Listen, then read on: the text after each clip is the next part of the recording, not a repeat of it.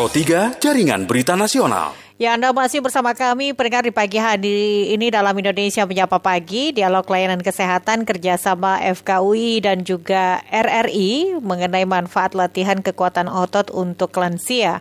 Kami akan perbincangkan pagi hari ini bersama dengan Dr. Ade Jen DL Tobing SPKO, Prodi Spesialis Kedokteran Olahraga dalam Dialog Layanan Kesehatan.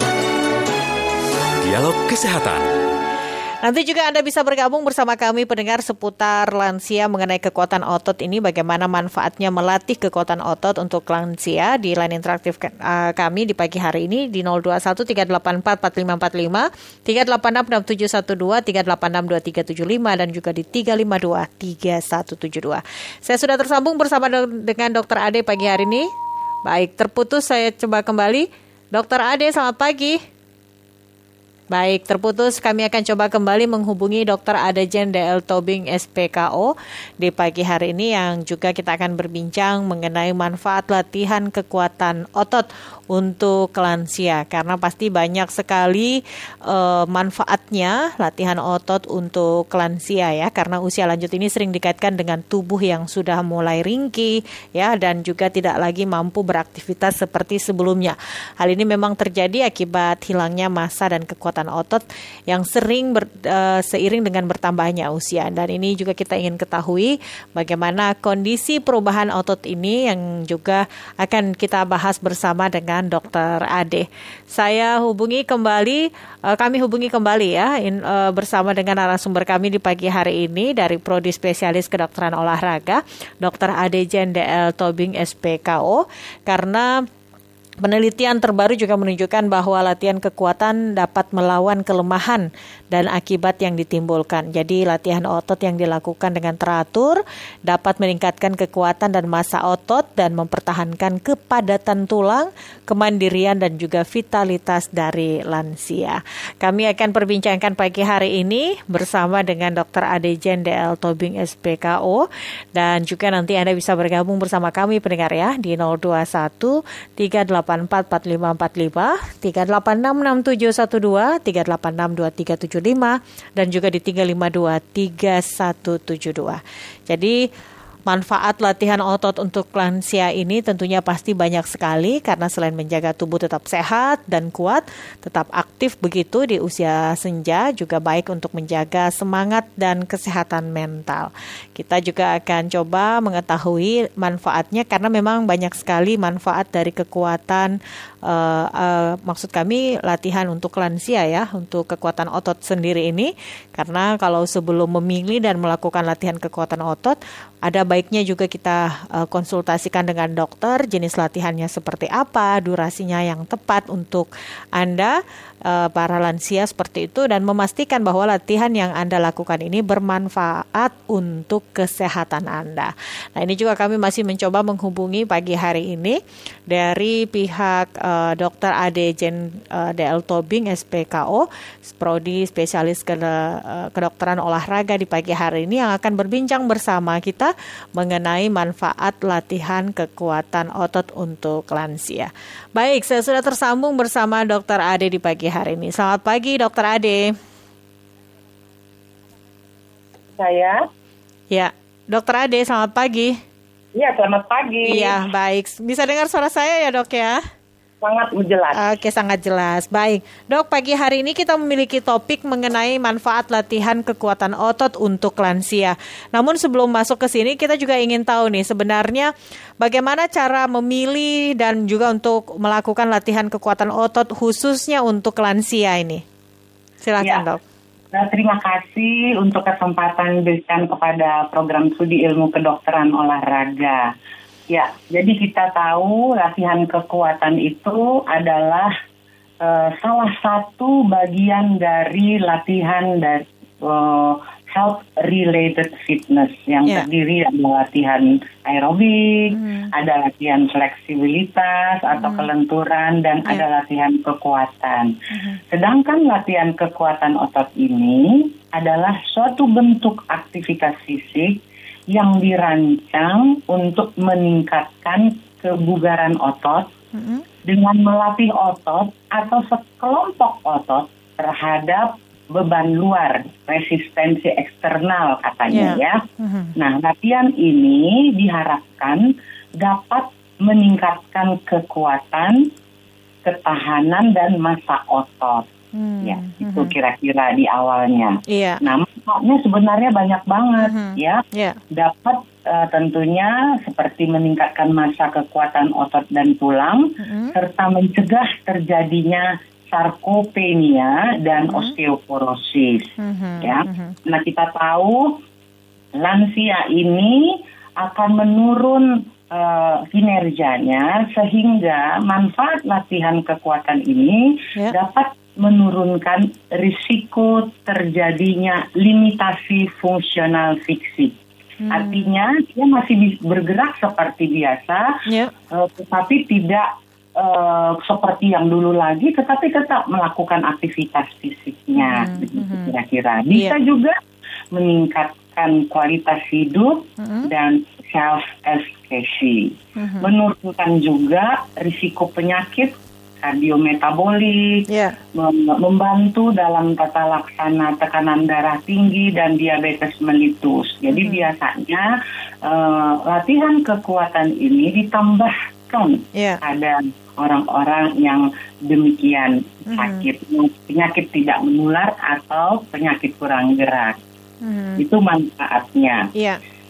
Ya, dok, kalau kita lihat ini kan untuk lansia kan bisa dikatakan tubuhnya tidak sama lagi seperti biasanya yang tidak bisa beraktivitas seperti pada saat muda seperti itu ya. Nah ini kira-kira durasi untuk melatih eh, kekuatan otot itu berapa lama dok? Ya, tergantung berapa otot yang kita latih ya. Mhm. Jadi kalau kita melakukan latihan kekuatan Mhm. itu bisa dibagi dua Ya. dengan tanpa beban. Jadi bebannya adalah tubuh sendiri Mhm. ya. Ada yang dengan beban, jadi eksternal. Ya, Oke. eksternalnya itu apa? Seperti dumbbell, karet, ya, Mhm. dam- eh, apa stick itu bisa juga dilakukan. Mhm. Nah, contoh-contoh yang dilakukan untuk latihan kekuatan tanpa beban Ya. itu bisa kita peroleh misalnya dengan push up. Ya. Push up yaitu untuk lansia sangat sederhana, Mhm. berdiri menghadap dinding, tangan diletakkan di dinding Mhm. dan itu sejajar dengan bahunya, Mhm. kemudian siku dibengkokkan, Ya. kemudian diluruskan, dibengkokkan lagi, Mhm. sangat sederhana, Hmm. tapi sangat membantu eh, apa peningkatan kekuatan dan kepadatan otot maupun tulangnya. Mhm. Atau Ya. kita berdiri memegang kursi, Ya. kemudian kita berjinjit berulang-ulang Mhm. itu juga sangat baik untuk menambahkan kekuatan ya daripada otot. Mhm. Sederhana. Berapa kali seminggu? Mhm. Kalau yang tanpa beban luar Ya. itu bisa kita lakukan setiap hari. Hmm. Ya. Mhm. Nah, kemudian kalau kita menggunakan beban seperti dumbbell ya, Ya. atau karet Mhm. atau stick itu Ya. kita boleh melakukannya dua sampai tiga kali seminggu. Oke. Untuk older lansia kita bisa Hmm. melakukan cukup dua kali atau Ya. tiga kali seminggu itu sangat cukup. Hmm. Mhm. Nah, Ya. dalam penelitian-penelitian dilakukan eh, lakukan latihan-latihan demikian dengan Ya. dumbbell ternyata dapat meningkatkan massa tulang, jadi Ya. kepadatan tulangnya Mhm. dan kemudian eh, meningkatkan kekuatan tentunya ya. Ya. Gitu. Mhm. Nah ini dengan adanya latihan kekuatan otot seperti itu tentunya juga harus diimbangi dengan nutrisi pendukung seperti itu ya dok ya untuk lansia ini. Sudah pasti ya. Mhm, mhm. Eh, jadi kalau kita mau nutrisinya yang baik untuk ototnya, tentu Ya. proteinnya yang ditambah. Hmm. Kemudian tentunya bisa digabung juga dengan kalsium, Ya. vitamin D, dan ini tidak mahal ya. Kalau kalsium Mhm. bisa dari eh, bahan-bahan yang ada di Indonesia. Seperti Ya. ikan udah dapat dua dia. Mhm. kalsium vitamin D itu sangat berharga untuk lansia. Untuk meningkatkan kepadatan tulangnya Ya. tapi harus ada latihannya. Kalau nggak ada latihan nutrisinya cukup juga Ya, kurang ya. baik ya. Mhm. gitu. Ya, baik. Berarti kalau misalnya nih dok, lansia yang juga mungkin ada komorbid begitu sejumlah penyakit-penyakit kronis, mungkin penyakit jantung atau diabetes, ini bagaimana caranya untuk bisa melatih ototnya supaya tidak tetap dalam artian tetap sehat dan jangan sampai eh, penyakit komorbidnya ini bisa muncul begitu? Ya, jadi kalau sudah punya ada komorbid, seba- sebaiknya harus dilakukan dulu pemeriksaan sebelum dia berlatih, Hmm, ya. oke. Minimal dia dapat melakukan eh, eh, apa tes dalam hal eh, melakukan screening, apakah eh, di dalam screening itu dia mempunyai satu penyakit dan lain-lain. Ya. Nah, kalau bebas, cuma adanya misalnya Ya. eh, hipertensi gitu ya, tetapi terkontrol, Ya. nah itu sudah bisa memasuki latihan ya, kalau terkontrol Ya, ya, ya. dengan dokter.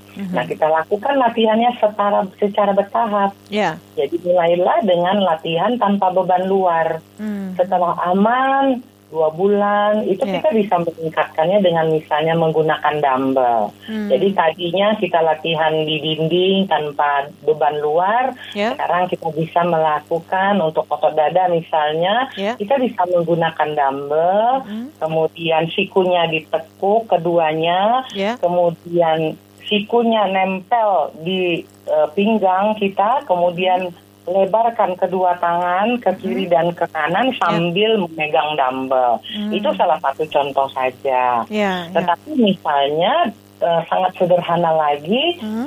duduk berdiri, Hmm. duduk lagi. Katakanlah delapan ulangan dulu. Ya. Nah, tiga kali seminggu. Mhm. Nah, setiap dua minggu bisa ditambah lagi, jangan delapan lagi, ditambah kemampuannya menjadi 10 kali gitu Iya. ya. Jadi secara bertahap Mhm. eh, ulangannya dan setnya.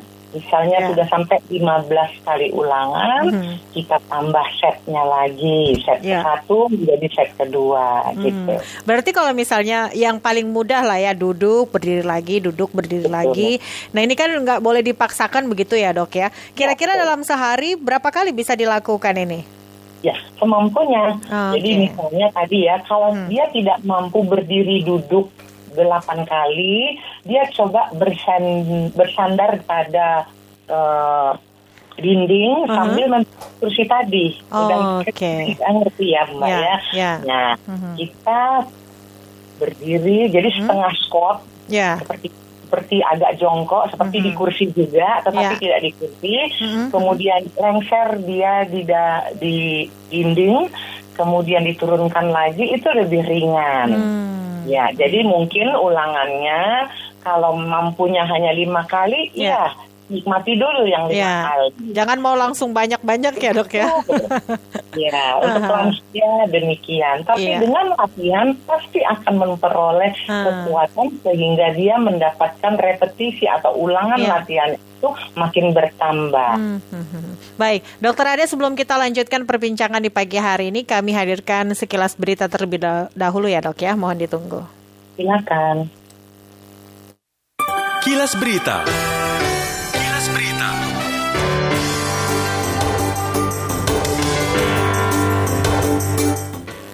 Sebanyak 613 rumah warga di empat desa kebanjiran luapan air sungai setelah hujan deras selama beberapa jam mengguyur bagian wilayah Kabupaten Situbondo di Provinsi Jawa Timur pada Selasa malam hari.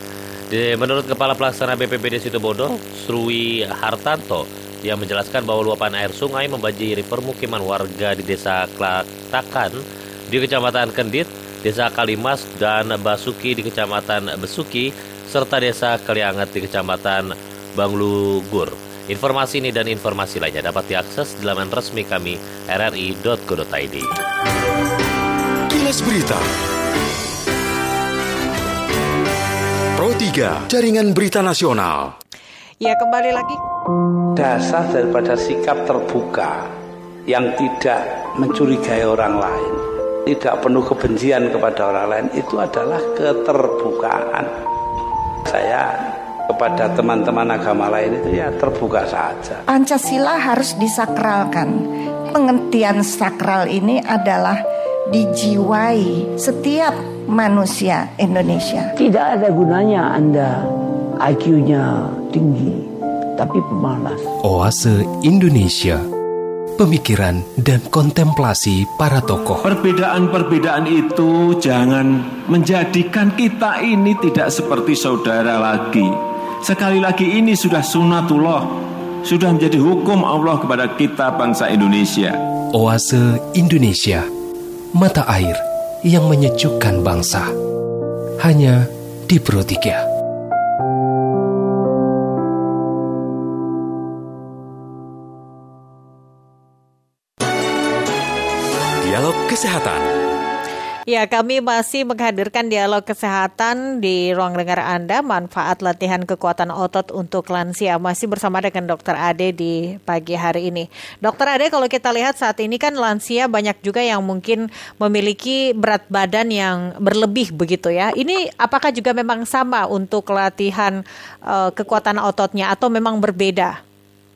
Ya, jadi kalau dia berlebih tentu ada trik-triknya lagi. Mm -hmm. Dia lebih banyak pemanasan mm -hmm. dan tentunya tidak melakukan latihan yang high impact. Yeah. ya, mm -hmm. intensitas sedang mm -hmm. dan pilihannya dalam melakukan latihan-latihan kekuatan ini boleh sambil duduk mm. sehingga tidak membebani lututnya yeah. ya dari lantai bawah. Mm -hmm. Nah, dengan latihan-latihan demikian ditambah dengan latihan aerobik, aerobiknya juga duduk juga.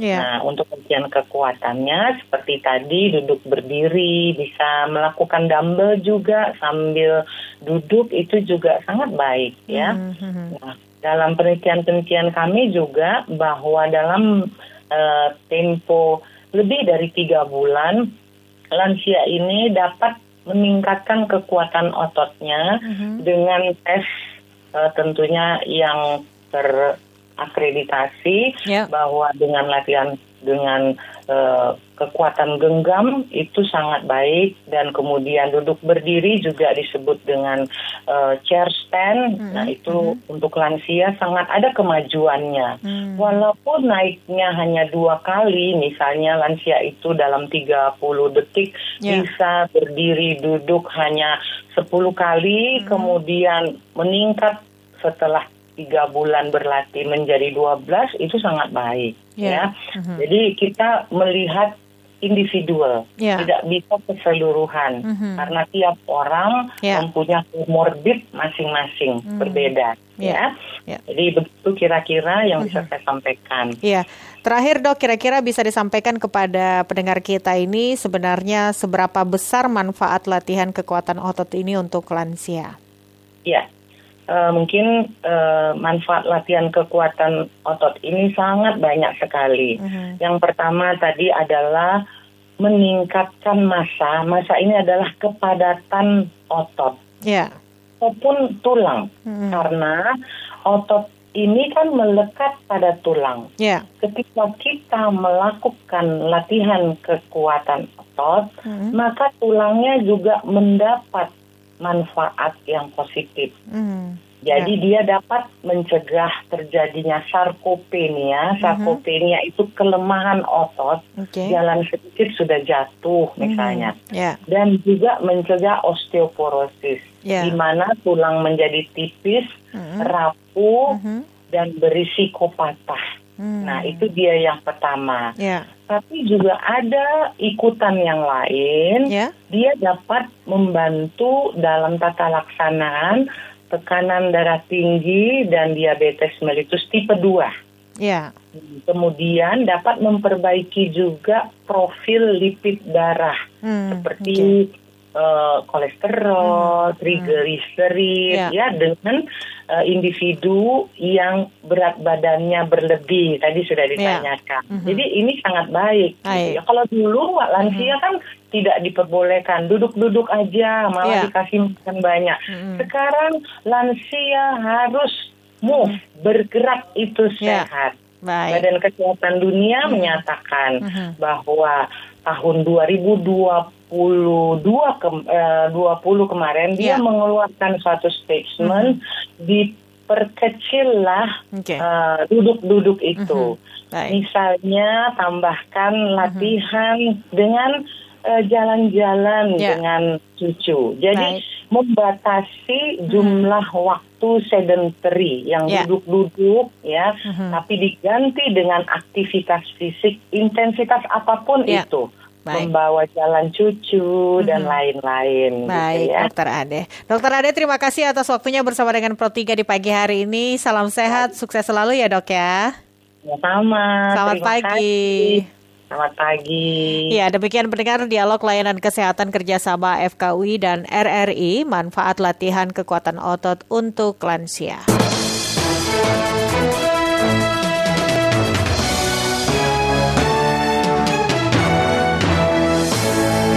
3, Jaringan Berita Nasional.